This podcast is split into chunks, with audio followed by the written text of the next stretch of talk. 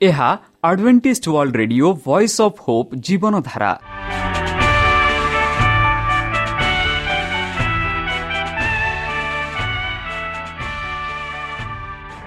Odia radio କାର୍ଯ୍ୟକ୍ରମ ଯାହା ଆମର ଆନ୍ତର୍ଜାତୀୟ ଆଘାତ କେନ୍ଦ୍ରରୁ ପ୍ରସାରଣ କରାଯାଉଛି ପ୍ରତିଦିନ ରାତି ନଅଟା ତିରିଶ ମିନିଟ୍ରେ। ମୁଁ ସୁବ୍ରତ କୁମାର ପତି ପ୍ରେମର ସହ ଆପଣମାନଙ୍କୁ ଏହି କାର୍ଯ୍ୟକ୍ରମକୁ ସ୍ୱାଗତ କରୁଅଛି। ଚାଲନ୍ତୁ ଆଜିର ତିରିଶ ମିନିଟ୍ର କାର୍ଯ୍ୟକ୍ରମ ବିଷୟରେ ଜାଣିନେବା। ପ୍ରଥମେ ରଖିଛୁ ଆଧ୍ୟାତ୍ମିକ ଭକ୍ତିମୟ ଗୀତ। ଏହାପରେ ଶୁଣିବା ସ୍ୱାସ୍ଥ୍ୟ ବିଷୟରେ ଯାହା ଆମର ଦୈନିକ ଜୀବନରେ ଅତ୍ୟନ୍ତ ଜରୁରୀ। ଆଉ ପରିଶେଷରେ ଶୁଣିବା ପରମେଶ୍ୱରଙ୍କ ଭକ୍ତଙ୍କଠାରୁ ଜୀବନଦାୟକ ଈଶ୍ୱରଙ୍କ ବାକ୍ୟ। ପ୍ରିୟ ଶ୍ରୋତା ତାହେଲେ ଚାଲନ୍ତୁ ଶୁଣିବା ଏକ ଆଧ୍ୟାତ୍ମିକ ଭକ୍ତିମୟ ଗୀତ।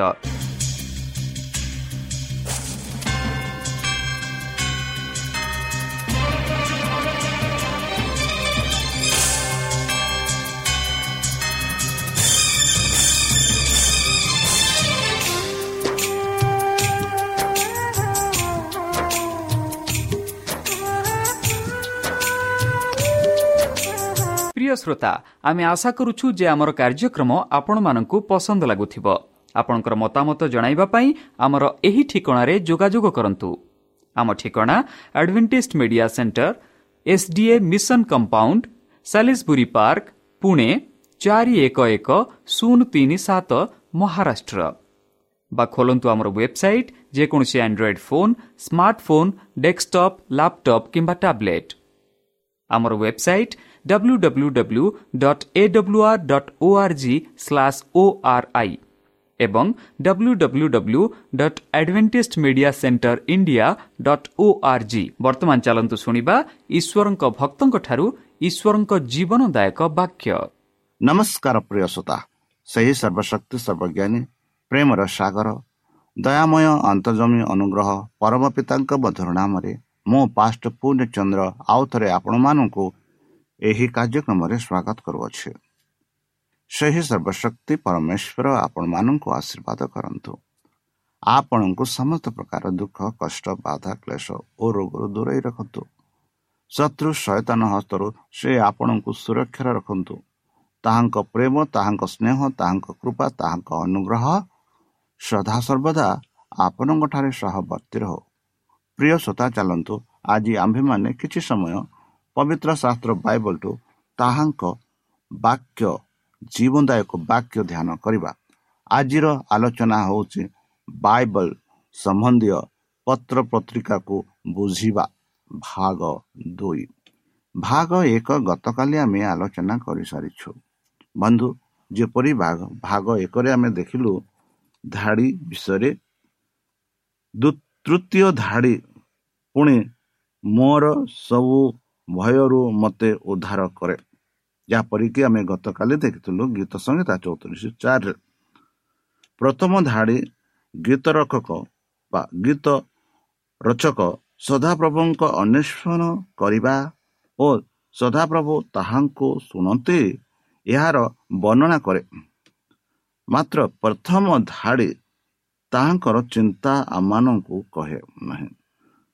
ଦ୍ୱିତୀୟ ଧାଡ଼ି ଆମମାନଙ୍କୁ ଗୀତ ରଚକଙ୍କର ସମ୍ପର୍କ ରଖିବା ସମ୍ବନ୍ଧରେ କହେ। ସେ ଭୟଭୀତ ହୋଇଥିଲେ କାରଣ ତାହାଙ୍କର ଅନେକ ସମସ୍ୟା ଥିଲା। ବନ୍ଧୁ ଗୀତ ଲେଖକର ବା ଗୀତ ରଚକ ଦେଖାନ୍ତି ଯେ ଈଶ୍ୱର କ୍ରମାତ୍ମ ଆମମାନଙ୍କର ଯତ୍ନ ନିଅନ୍ତି ଓ ସୁରକ୍ଷା କରନ୍ତି। ଯେତେବେଳେ ଆମମାନଙ୍କର ସମସ୍ୟା ସବୁ ଥାଏ ତାହାଙ୍କ ସହିତ ଗୋଟିଏ ଘନିଷ୍ଠ ସମ୍ବନ୍ଧତା ରଖିବାକୁ ଆମ୍ଭମାନଙ୍କର ସମସ୍ୟା ସବୁ କିପରି ଆମମାନଙ୍କୁ ଆଗେଇ ନିଅନ୍ତି? ବନ୍ଧୁ ବାଇବଲ ଚିହ୍ନ ସବୁ ଇତିହାସରେ ଦେଖାଯାଏ। ସେସବୁ ଭବିଷ୍ୟତରେ ବିଷୟ ସବୁକୁ ସୂଚାଇ ଦିଅନ୍ତି।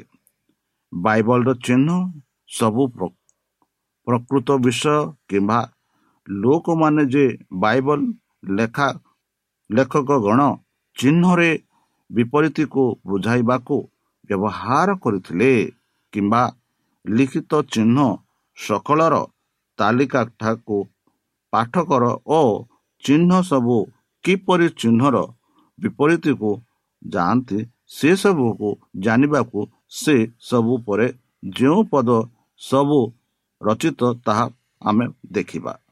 ପ୍ରଥମ ଆମେ ଦେଖିବା ବାଇବଲରେ ଯାହାମାନଙ୍କୁ ଦେଇଅଛି ପ୍ରଥମ ଯାହା ଆମମାନଙ୍କୁ ଦେଇଅଛି ଏଭ୍ରି ତାର ନଅ ଏକ ଠୁ ନଅ। ପ୍ରକୃତିରେ ସେହି ପ୍ରଥମ ନିୟମର ମଧ୍ୟ ଉପାସନା ସମ୍ବନ୍ଧୀୟ ନାନା ବିଧିବିଧାନ ଓ ଗୋଟିଏ ପାର୍ଥିବ ପବିତ୍ର ସ୍ଥାନ ଥିଲା। କାରଣ ଗୋଟିଏ ତମ୍ଭୁ ନିର୍ମିତ ହୋଇଥିଲା। ସେଥିରେ ପ୍ରଥମ ଭାଗରେ ଦ୍ୱୀପବୃକ୍ଷ ମେଜ ଓ ଦର୍ଶନୀ ରୋଟି ଥିଲା। ତାହାକୁ ପବିତ୍ର ସ୍ଥାନ ବୋଲି କହନ୍ତି। ପୁଣି ତୃତୀୟ ଯବନିକାର ପଶ୍ଚାତରେ ତମ୍ବୁର ଯେଉଁ ଭାଗ ଥିଲା ତାହାକୁ ମହାପବିତ୍ର ସ୍ଥାନ ବୋଲି କହନ୍ତି। ସେଠାରେ ସୁବର୍ଣ୍ଣର ଧୂପବେଦୀ ଓ ଚତୁର୍ଥ ସୁବର୍ଣ୍ଣ ମଣ୍ଡିତ ନିୟମ ସିନ୍ଧୁର ଥିଲା। ସେହି ନିୟମ ସିନ୍ଦୁରରେ ମାନ୍ନା ରଖାଯାଇଥିଲା। ଗୋଟିଏ ସୁବର୍ଣ୍ଣର ପାତ୍ର ହାରଣଙ୍କ ମଞ୍ଜିରିତ ଜଷ୍ଟି ଓ ନିୟମର ଦୁଇ ପ୍ରସ୍ତର ଫଳକ ଥିଲା। ଦେଖନ୍ତୁ ଗଣନା ସତର ଦଶ। ଆଉ ତାହା ଉପରେ ପାପଚ୍ଛାଦନର ଛାୟା କରୁଥିବା ଈଶ୍ୱରଙ୍କ ଗୌରବ ସୂଚକ ଦୁଇଟି କିରୁବ ଥିଲେ। ସେହି ସବୁ ବିଷୟରେ ଏବେ ଆମେମାନେ ସବିଶେଷ କହି ନ ପାରୁ। ଏହି ସବୁ ଏହି ପ୍ରକାରେ ପ୍ରସ୍ତୁତ ହୋଇଥିବାରୁ ଯାଜକମାନେ ଉପାସନା କରିବା ନିମନ୍ତେ ତମ୍ବୁର ପ୍ରଥମ ଭାଗରେ ସର୍ବଦା ପ୍ରବେଶ କରନ୍ତି। କିନ୍ତୁ ଦ୍ୱିତୀୟ ଭାଗରେ କେବଳ ମହାଯାଜକ ବର୍ଷକୁ ଥରେ ପ୍ରବେଶ କରନ୍ତି।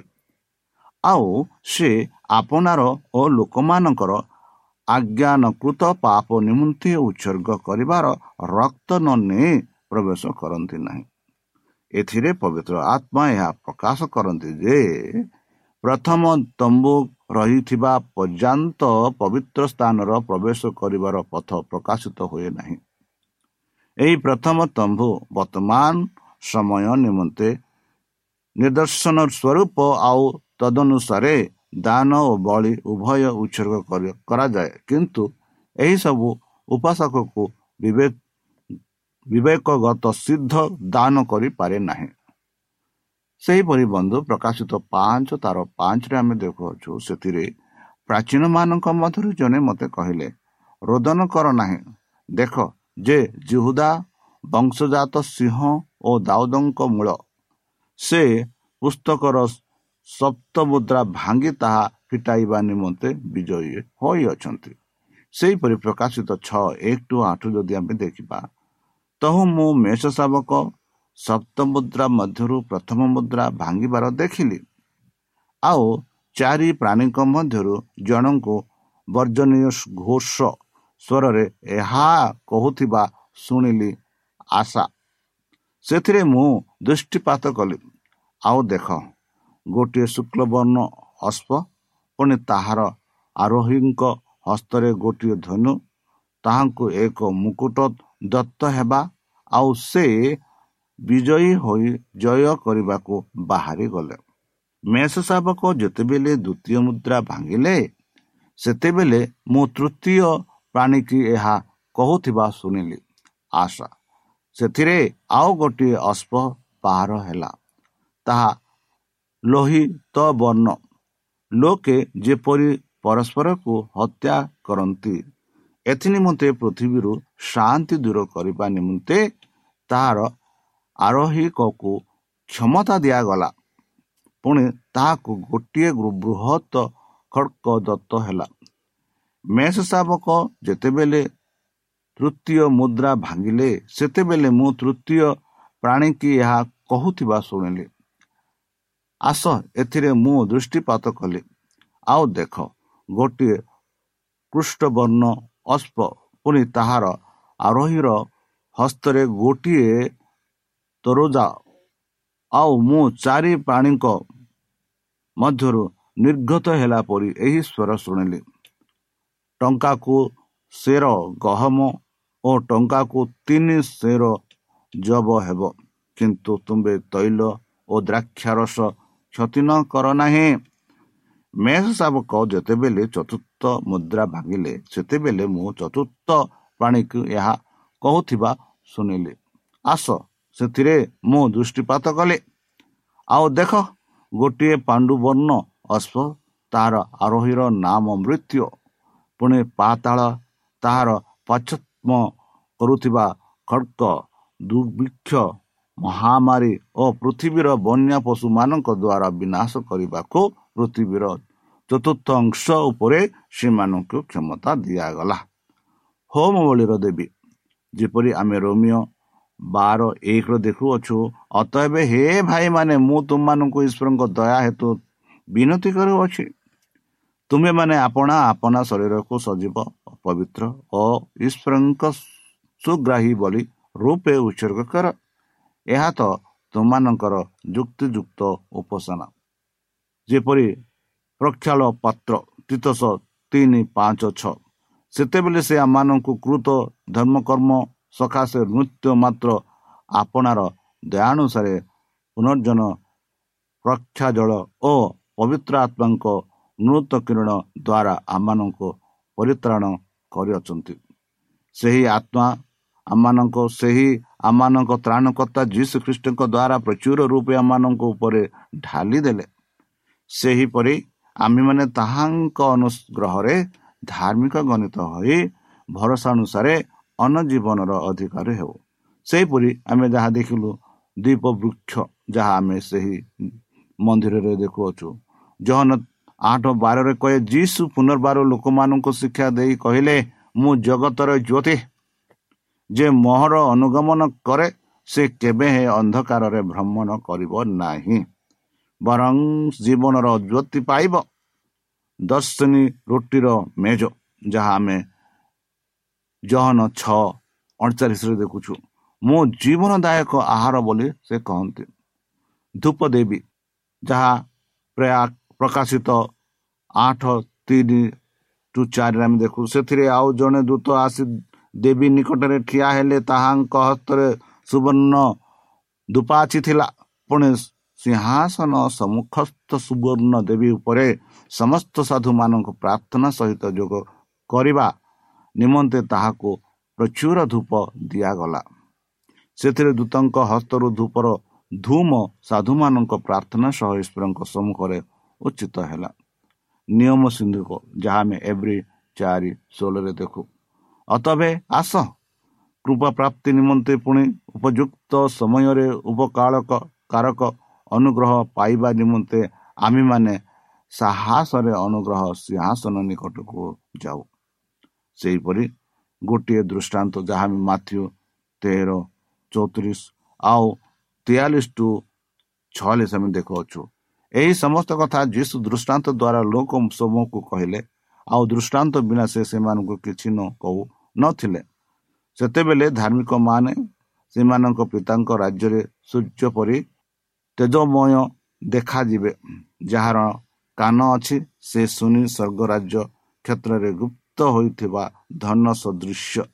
ଜଣେ ଲୋକ ତାହା ଦେଖି ଗୋପନ କରି ରଖିଲା ଓ ଆନନ୍ଦରେ ଯାଇ ଆପଣାର ସର୍ବସ୍ତ ବିକ୍ରୟ କରି ସେହି କ୍ଷେତ୍ରକୁ କ୍ରୟ କଲା ପରେ ପୁନଚ୍ଛ ସ୍ୱର୍ଗ ରାଜ୍ୟ ଉତ୍ତମ ଉତ୍ତମ ମୁକ୍ତ ଅନ୍ୱେଷଣ କରୁଥିବା ଜଣେ ବଣିକ ସଦୃଶ୍ୟ।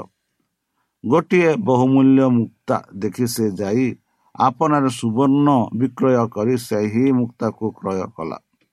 ସେହିପରି ଆମେ ଗୀତ ସଂହିତା ଅଶୀ ସାତ ଏଗାରରେ ଦେଖୁ ହେ ସୈନ୍ୟଦେପତି ସଦାପ୍ରଭୁ ପରମେଶ୍ୱର ଆମମାନଙ୍କୁ ଫେରାଅ ଓ ଆପଣା ମୁଖର ତେଜ ପ୍ରକାଶ କର। ତହିଁରେ ଆମ୍ଭେମାନେ ପରିତ୍ରାଣ ପାଇବା ପାଇବୁ। ତୁମ୍ଭେ ମିଶ୍ରରୁ ଗୋଟିଏ ଦ୍ରାକ୍ଷଲତା ଆଣିଲ। ତୁମ୍ଭେ ଗୋଷ୍ଠୀମାନଙ୍କୁ ତଡ଼ି ଦେଇ ତାହା ରୋପଣ କଲ। ତୁମ୍ଭେ ତାହା ସମ୍ମୁଖରେ ସ୍ଥାନ ପ୍ରସ୍ତୁତ କଲ। ତହିଁରେ ତାହା ବନ୍ଧ ବଧମୂଳ ହୋଇ ଦେଇ ଯାକ ବ୍ୟାପିଲା। ତାହାର ଛାୟାରେ ପର୍ବତଗଣ ଆବୃତ ହେଲେ ଓ ତାହାର ଶାଖା ସବୁ ପରମେଶ୍ୱରଙ୍କ ଏରସ ବୃକ୍ଷ ତୁଲ୍ୟ ହେଲେ ତାହା ସମୁଦ୍ର ପର୍ଯ୍ୟନ୍ତ ଆପଣା ଶାଖା ଓ ନଦୀ ପର୍ଯ୍ୟନ୍ତ ଆପଣା ପଲ୍ଲବ ବିସ୍ତାର କଲା। ସେହିପରି ଗାଲାତୀୟ ଚାରି ଏକୋଇଶ ଟୁ ଏକତିରିଶ ଆମେ ଦେଖୁ ବନ୍ଧୁ ବ୍ୟବସ୍ଥାର ଅଧୀନ ହେବାକୁ ଇଚ୍ଛା କରୁଅଛ ଯେ ତୁମେମାନେ ମୋତେ କୁହ ତ ତୁମମାନଙ୍କ କ'ଣ ବ୍ୟବସ୍ଥାର ବାକ୍ୟ ଶୁଣ ନାହିଁ? କାରଣ ଲେଖା ଅଛି ଅବ୍ରାହ୍ମଙ୍କ ଦୁଇଟି ପୁତ୍ର ଥିଲେ। ଜଣେ ଦାସୀ ଠାରୁ ଓ ଆଉ ଜଣେ ସ୍ୱାଧୀନ ସ୍ତ୍ରୀ ଠାରୁ ଜାତ ଯେ ଦାସୀର ପୁତ୍ର ସେ ଶାରୀରିକ ସ୍ୱଭାବ ଅନୁସାରେ ଜାତ ହେଲା। ମାତ୍ର ଯେ ସ୍ୱାଧୀନ ସ୍ତ୍ରୀର ପୁତ୍ର ସେ ପ୍ରତିଜ୍ଞା ବଳରେ ଜାତ ହେଲା।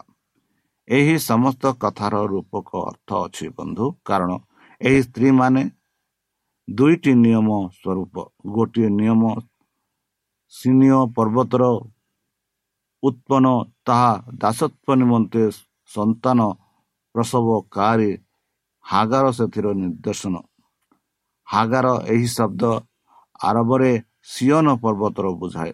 ପୁଣି ତାହା ବର୍ତ୍ତମାନ ଜେରୁସାଲାମର ସମତୁଲ୍ୟ କାରଣ ଏହା ଆପଣା ସନ୍ତାନମାନଙ୍କ ସହିତ ଦାସତ୍ୱରେ ରହିଅଛି। କିନ୍ତୁ ଉର୍ଦ୍ଧସ୍ଥ ଜେରୁସାଲମ ସ୍ୱାଧୀନ। ସେ ଆମମାନଙ୍କ ଜନନୀ। ସେ ଲେଖା ଅଛି ଯେନୁ ଲେଖା ଅଛି ଆଗ ବନ୍ଧ୍ୟ ଅପ୍ରସୂତେ ଆନନ୍ଦ କର। ଆଗ ପ୍ରସବ ବେତନା ବେଦନା ରହିତେ ଉଚ୍ଚ ସ୍ୱରେ ଜୟଧ୍ୱନି କର। କାରଣ ସଧବାର ସନ୍ତାନ ଠାରୁ ଅନାଥର ସନ୍ତାନ ଅଧିକ। ହେ ଭାଇମାନେ ତୁମାନେ ଇଶାକଙ୍କ ପ୍ରତି ପରି ପ୍ରତିଜ୍ଞାର ସନ୍ତାନ। କିନ୍ତୁ ଶାରୀରିକ ସ୍ୱଭାବ ଅନୁସାରେ ଯେ ଜାତ ସେ ଯେପରି ସେମାନଙ୍କଠାରେ ଆମମାନଙ୍କ ପ୍ରତିଜ୍ଞା ଅନୁସାରେ ଯେ ତାଙ୍କ ତାଙ୍କୁ ତାଡ଼ନା କରୁଥିବା ସେହିପରି ଏବେ ମଧ୍ୟ ଘଟୁଅଛି। ମାତ୍ର ଶାସ୍ତ୍ର କ'ଣ କୁହେ? ଦାସୀ ଓ ତାର ପୁତ୍ରକୁ ବାହାର କରିଦିଅ। କାରଣ ଦାସୀର ପୁତ୍ର ସ୍ୱାଧୀନ ସ୍ତ୍ରୀର ପୁତ୍ର ସହିତ ଉତ୍ତାରି ଉତ୍ତରାଧିକାରୀ ହେବ ନାହିଁ। ଅତଏବ ଭାଇମାନେ ଆମମାନେ ଦାସୀର ସନ୍ତାନ ନୁହଁ। କିନ୍ତୁ ସ୍ୱାଧୀନ ସ୍ତ୍ରୀର ସନ୍ତାନ ବନ୍ଧୁ ଚିହ୍ନ ଭାବମାନେ ଏହି ଦୁଇ ମଧ୍ୟରେ ପ୍ରଭେଦ ବୁଝିବା ବାଇବଲ ପାଠ କରିବାକୁ ସମୟରେ ଆମମାନଙ୍କୁ ଯତ୍ନବାନ ହେବା ଏକାନ୍ତ ପ୍ରୟୋଜନ ଚିହ୍ନ ଭବିଷ୍ୟତ ବକ୍ତା ବୁଝାଏ କିନ୍ତୁ ଗୋଟିଏ ଚିହ୍ନ ଗୋଟିଏ ଭାବବାଣୀ ନୁହେଁ ଗୋଟିଏ ଘଟଣା ଭାବରେ ଗୋଟିଏ ଚିହ୍ନ ଦେଖାଯାଏ ବନ୍ଧୁ ଗୋଟିଏ ଧର୍ମ ସଂକ୍ରାନ୍ତ ଚିହ୍ନ ଗୋଟିଏ ଧାରଣା କିମ୍ବା ଗୋଟିଏ ବିଷୟରେ ନିର୍ଦ୍ଦେଶନ ଯାହା ଗୋଟିଏ କଷ୍ଟ କରେ ସତ୍ୟଟାକୁ ବୁଝିବାକୁ ପାଠକକୁ ସାହାଯ୍ୟ କରେ। ଗୋଟିଏ ବାଇବଲ ଚିହ୍ନ ଅଧିକାଂଶ ସମୟରେ ଗୋଟିଏ ନିର୍ଦ୍ଦିଷ୍ଟ ପାଠକକୁ ଶିକ୍ଷା ଦିଏ। ପାର୍ଥିକ ଧର୍ମଧାର ଧର୍ମଧାମରେ ସେବା ବିଧି ଘଟଣା ଓ କାର୍ଯ୍ୟ ସେବା କାର୍ଯ୍ୟ ଗୁଡ଼ିକ ଚିହ୍ନ ଯାହା ସ୍ୱର୍ଗୀୟ ଧୂମ ଧର୍ମଧାମରେ ହୁଏ। ଯାହାକି ହୋମ ବୋଲି ଦେବୀ ଯାହାକି ରୋମିଓ ବାର ଏକରେ ଆମେ ଦେଖାଉଛୁ। ପ୍ରକ୍ଷା ଜଳ ପାତ୍ର ଯାହା ତିତସ ତିନି ପାଞ୍ଚ ଛଅରେ ଆମେ ଦେଖି ସାରିଛୁ। ଦୀପ ବୃକ୍ଷ ଯାହା ଜନ ଆଠ ବାରରେ ଆମେ ପଢ଼ି ସାରିଛୁ। ଦର୍ଶନୀ ରୁଟି ଯାହା ଦର୍ଶନୀ ରୁଟି ମେଜ ଯାହାକି ଜହନ ଛଅ ଅଡ଼ଚାଳିଶ ଆମେ ଦେଖି ସାରିଛୁ। ଧୂପ ଦେବୀ ଯାହାକି ପ୍ରକାଶିତ ଆଠ ତିନି ଟୁ ଚାରି ଆମେ ପଢ଼ି ସାରିଛୁ ପରିଶେଷ ଆମେ ଦେଖିଅଛୁ ସେଇ ସିନ୍ଧୁ ଓ ନିୟମ ସିନ୍ଧୁକ ଏଭ୍ରି ଚାରି ସତ୍ରରେ। ବନ୍ଧୁ ଆମେମାନେ ଏପରି କୌଣସି ଚିହ୍ନ ସବୁର ଅର୍ଥ କେବେ ହେଁ କରିବା ଉଚିତ ନୁହେଁ ଯାହା ବାଇବଲର ସରଳ ଶିକ୍ଷାକୁ ଖଣ୍ଡନ କରେ। ଗୋଟିଏ ଚିହ୍ନର ଅର୍ଥ କରିବା ସମୟରେ ଚିହ୍ନର କେତେକ ସବସ୍ତୃତ ବିବରଣୀ ଗୁରୁତ୍ୱପୂର୍ଣ୍ଣ ହୋଇନପାରେ ଅନ୍ୟାନ୍ୟ ବାଇବଲର ପଦଗୁଡ଼ିକୁ ପାଠ କର ଯାହା ଚିହ୍ନର ଅର୍ଥ ବ୍ୟାଖ୍ୟା କରିବାକୁ ସେହି ଏହି ଚିହ୍ନ ବ୍ୟବହାର କରନ୍ତି। କେତେକ ଚିହ୍ନର ଗୋଟିଏ ଅର୍ଥରୁ ଅଧିକ ଥାଇପାରିଥାଏ। ଉଦାହରଣ ସ୍ୱରୂପ ସିଂହ ସବୁ ଯୀଶୁ ଓ ସୈତାନ ଉଭୟର ଚିହ୍ନ ପ୍ରକାଶିତ ଯାହା ବାକ୍ୟ ପାଞ୍ଚ ପାଞ୍ଚରୁ ଏକରେ ଦେଖୁଅଛୁ ଆଉ ପିତର ପାଞ୍ଚ ଆଠରେ ଦେଖୁଅଛୁ ପ୍ରଥମ ପିତର ପାଞ୍ଚ ଏକ ଆଠରେ ଦେଖୁଅଛୁ ଆମେମାନେ ଚିହ୍ନକୁ ସଠିକ ଭାବେ ଅର୍ଥ କରିବାକୁ ପୁନର୍ବାର ଆମମାନଙ୍କୁ ଗୋଟିଏ ଚିହ୍ନର ପୁନର୍ବାର ପ୍ରସଙ୍ଗକୁ ଜାଣିବା ଏକାନ୍ତ ପ୍ରୟୋଜନ ବନ୍ଧୁ। ଯେତେବେଳେ ପୂର୍ବାପର ପ୍ରସଙ୍ଗ କିମ୍ବା ଅନ୍ୟାନ୍ୟ ଅନୁପ୍ରାଣୀର ଲେଖକଗଣ ଚିହ୍ନର ଅର୍ଥକୁ ବ୍ୟାଖ୍ୟା କରନ୍ତି ନାହିଁ ସେତେବେଳେ ଆମ୍ଭେମାନେ ଗୋଟିଏ ଚିହ୍ନର ଅର୍ଥକୁ ଅନୁମାନ କରିବା ଉଚିତ ନୁହେଁ। ବନ୍ଧୁ ଯୀଶୁଙ୍କ ଦିନରେ ପାଲେଷ୍ଟାଇନର ଗୋଟିଏ ସାଧାରଣ ଘଟଣା ଉପରେ ଏହି ଦୃଷ୍ଟାନ୍ତ ପ୍ରତିସୃଷ୍ଟି ହୋଇଅଛି। ସେତେବେଳେ ବ୍ୟାଙ୍କ ସବୁ ନଥିଲା। ରୁଟି ଚୋରି ଲଣ୍ଡନ ଓ ଆକ୍ରମଣ ଅଧିକାଂଶ ସମୟରେ ଘଟିଥିଲା। ତେଣୁ ଲୋକମାନେ ସେମାନଙ୍କର ମୂଲ୍ୟବାନ ବସ୍ତୁ ଗୁଡ଼ିକୁ ମାଠି ତଳେ ପୋତି ରଖୁଥିଲେ। ବ୍ୟକ୍ତିଟି ମୃତ୍ୟୁ ହେଲେ ଅନ୍ୟ ଚାଲିଗଲେ କିମ୍ବା ଯେଉଁ ସ୍ଥାନରେ ସେ ତାହାର ମୂଲ୍ୟବାନ ବସ୍ତୁକୁ ପୋତି ରଖିଛି ସେ ସ୍ଥାନରେ ଭୁଲିଗଲେ। ମୂଲ୍ୟବାନ ବସ୍ତୁ ସେମିତି ପୋତା ହୋଇ ରହିଯାଏ। ଆମମାନଙ୍କ ପ୍ରତିବାସୀମାନଙ୍କର ସୁଯୋଗ କିପରି ନେବାକୁ ହୁଏ? ତାହା ଆମମାନଙ୍କୁ ଶିକ୍ଷା ଦେବାକୁ ଯୀଶୁ ଗଳ୍ପ ବ୍ୟବହାର କରିଥିଲେ। କଥା ହେଲା ଆମମାନେ ଯେତେବେଳେ କୌଣସି ବସ୍ତୁ ଅପେକ୍ଷା ଅଧିକ ମୂଲ୍ୟର ଗୁପ୍ତ ଧନ ବିଷୟରେ ସନ୍ଧାନ ପାଉ ସେତେବେଳେ ତାହା ନିଜର କରିବାକୁ ଆମେମାନେ ଆଶା କରିଥାଉ। ସେହି ମୂଲ୍ୟବାନ ଧନ ନିମନ୍ତେ ଆମମାନଙ୍କର ସମସ୍ତ ଆନନ୍ଦର ଆମ୍ଭେ ଦେଇ ଦେଉ। କ୍ଷେତ୍ରର ଦୃଷ୍ଟାନ୍ତରେ ଯେଉଁଠାରେ ଧନ ମିଳେ ତାହା ବାଇବଲର ନିଦର୍ଶନ ଆଉ ସୁସମାଚାର ଧନ ଅଟେ। ତୁମର ଗୁପ୍ତ ଧନ କ'ଣ? ତୁମେ କ'ଣ ସବୁ ଦେଇ ଦେବାକୁ ଇଚ୍ଛା କରୁଛ? ବନ୍ଧୁ ଗୋଟିଏ ରୂପକ ଗୋଟିଏ ଗଳ୍ପ। ଯେଉଁଥିରେ କେତେ ଅର୍ଥ ଥାଏ ଯାହାକୁ ଅନ୍ୟ ସତ୍ୟକୁ ସହିତ ତୁଳନା କରାଯାଏ। ଉଦାହରଣ ସ୍ୱରୂପ ଉତ୍ତମ ମେଷ ପାଳକ କଳ୍ପରେ ମେଷ ପାଲକ ଯୀଶୁ ଅଟନ୍ତି। ଯେଉଁ ଲୋକମାନଙ୍କ ନିମନ୍ତେ ଯୀଶୁ ପ୍ରାଣ ତ୍ୟାଗ କରିଥିଲେ ସେମାନଙ୍କ ମେଷ ଓ ଯେଉଁ ଲୋକମାନେ ସିଂହଙ୍କ ବାଧ୍ୟ ଦିଅନ୍ତି ପରେ ସେହି ଲୋକମାନେ ନିଦର୍ଶନ କରନ୍ତି ଯାହାକି ଜହନ ଦଶ ଏକ ଟୁ ଷୋହଳରେ ଆମେ ପଢ଼ି ସାରିଅଛ। ରୂପକର ଗୁରୁତ୍ୱପୂର୍ଣ୍ଣ ବିଷୟ ସବୁକୁ ଚିହ୍ନର କରିବାକୁ ଆମେମାନେ ପଦଗୁଡ଼ିକୁ ସମ୍ମତି ହେବା ଦରକାର।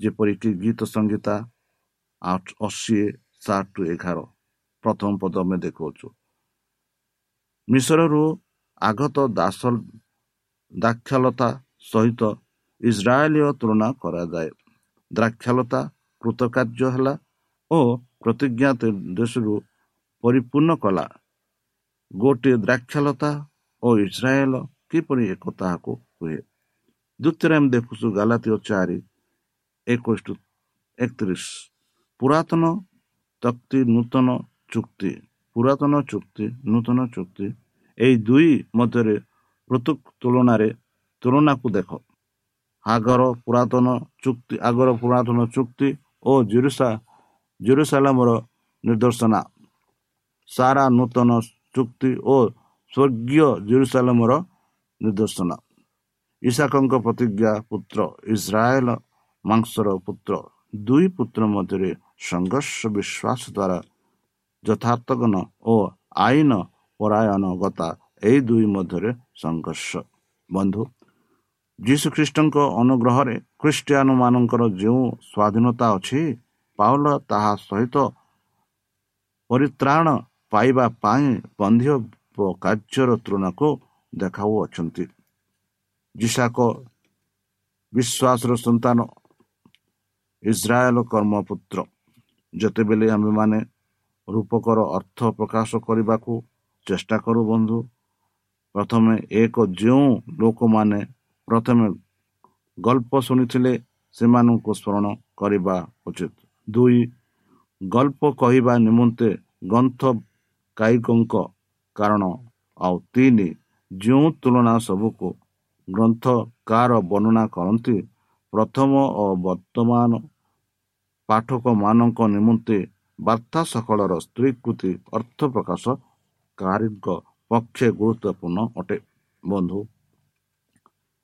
ସୋଲମାନଙ୍କ ଗୀତକୁ ବୁଝିବା ଅନେକ ଭାଷ୍ୟକାରୀଙ୍କ ଗଣ ଯାହାକି ଆମେ କହୁଛୁ କମେଣ୍ଟ୍ରେଟର ନିତାନ୍ତ କରନ୍ତି ଯେ ସେଲମାନଙ୍କ ଗୀତ ପରମ ଗୀତ ଗୋଟିଏ ରୂପକ ତୁଳନା ଗୁଡ଼ିକ ହେଲା ରାଜା ଯେ କି ଯୀଶୁ କନ୍ୟା ଯେ କି ମଣ୍ଡଳୀ। ମାତ୍ର ସେଲମାନଙ୍କ ଗୀତ ଗୋଟିଏ ରୂପ ନୁହେଁ। ସେଲମାନଙ୍କ ଗୀତ ପ୍ରେମ ପଦ୍ୟର ଗୋଟିଏ ସୁନ୍ଦର ସଂଗ୍ରହ ଯାହା ସ୍ୱାମୀ ଓ ଭାଜ୍ୟମାନଙ୍କ ନିମନ୍ତେ ଈଶ୍ୱରଙ୍କ ଯୋଜନାକୁ ପ୍ରଦର୍ଶନ କରେ। ବନ୍ଧୁ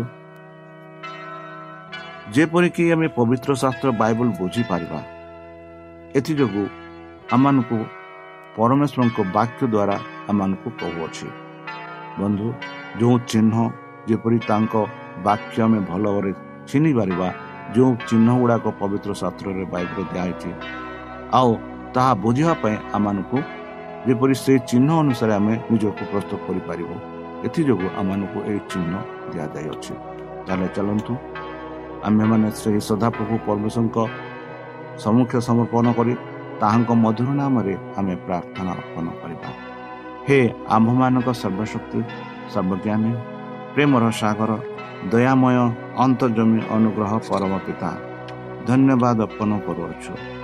ବର୍ତ୍ତମାନ ଯେଉଁ ବାକ୍ୟ ତୁମ ଭକ୍ତମାନଙ୍କୁ ଶୁଣାଇଲେ ସେହି ବାକ୍ୟ ଅନୁସାରେ ଏମାନଙ୍କୁ ଚାଲିବା ପାଇଁ ବୁଦ୍ଧିରେ ଜ୍ଞାନରେ ଆମମାନଙ୍କୁ ଆଗକୁ ବଢ଼ାଇ ନିଅ ସେହି ପବିତ୍ର ଆତ୍ମା ଦ୍ୱାରା ଆମମାନଙ୍କୁ ସେ ବାକ୍ୟ ବୁଝିବା ପାଇଁ ଆମମାନଙ୍କୁ ଶକ୍ତି ପ୍ରଦାନ କର। ଆଉ ପରିଶେଷ ଯେବେ ତୁମେ ତୁମ ସେହି ସହସ୍ର ଦୂତଙ୍କ ସହ ଆପଣା ସାଧୁମାନଙ୍କୁ ସଂଗ୍ରହ କରିବା ନିମନ୍ତେ ଆସିବେ ସେତେବେଳେ ଆମମାନଙ୍କୁ ଏକ ବାସସ୍ଥାନ ଦିଅ ବୋଲି ପ୍ରାଣକର୍ତ୍ତା ପ୍ରଭୁ ଯୀଶୁଙ୍କ ମଧ୍ୟମୟ ନାମରେ ଏହି ଛୋଟ ବିକ୍ଷମ ମାଗୁଛୁ। ତୁମେ ଗ୍ରହଣ କର। ପ୍ରିୟ ଶ୍ରୋତା ଆମେ ଆଶା କରୁଛୁ ଯେ ଆମର କାର୍ଯ୍ୟକ୍ରମ ଆପଣମାନଙ୍କୁ ପସନ୍ଦ ଲାଗୁଥିବ। ଆପଣଙ୍କର ମତାମତ ଜଣାଇବା ପାଇଁ ଆମର ଏହି ଠିକଣାରେ ଯୋଗାଯୋଗ କରନ୍ତୁ ଆମ ଠିକଣା Adventist Media Centre SDA Mission Compound Salisbury Park Pune ଚାରି ଏକ ଏକ ଶୂନ ତିନି ସାତ ମହାରାଷ୍ଟ୍ର ବା ଖୋଲନ୍ତୁ ଆମର ୱେବସାଇଟ୍ ଯେକୌଣସି Android phone smartphone desktop laptop କିମ୍ବା ଟ୍ୟାବ୍ଲେଟ୍ ଆମର website W W W dot A W R dot O R G slash O R I ଏବଂ W W W dot Adventist Media Centre India dot O R G Adventist Media Centre ଇଣ୍ଡିଆର spelling ହେଉଛି A D V E N T I S T M E D I A C E N T R E I N D I A ଅଥବା download କରନ୍ତୁ ଆମର mobile app ଆପଣଙ୍କର mobile play ଷ୍ଟୋରକୁ ଯାଆନ୍ତୁ ଆଉ type କରନ୍ତୁ the voice of Hope ଆଉ download କରନ୍ତୁ ଈଶ୍ୱର ଆପଣଙ୍କୁ ଆଶୀର୍ବାଦ କରନ୍ତୁ। ଧନ୍ୟବାଦ।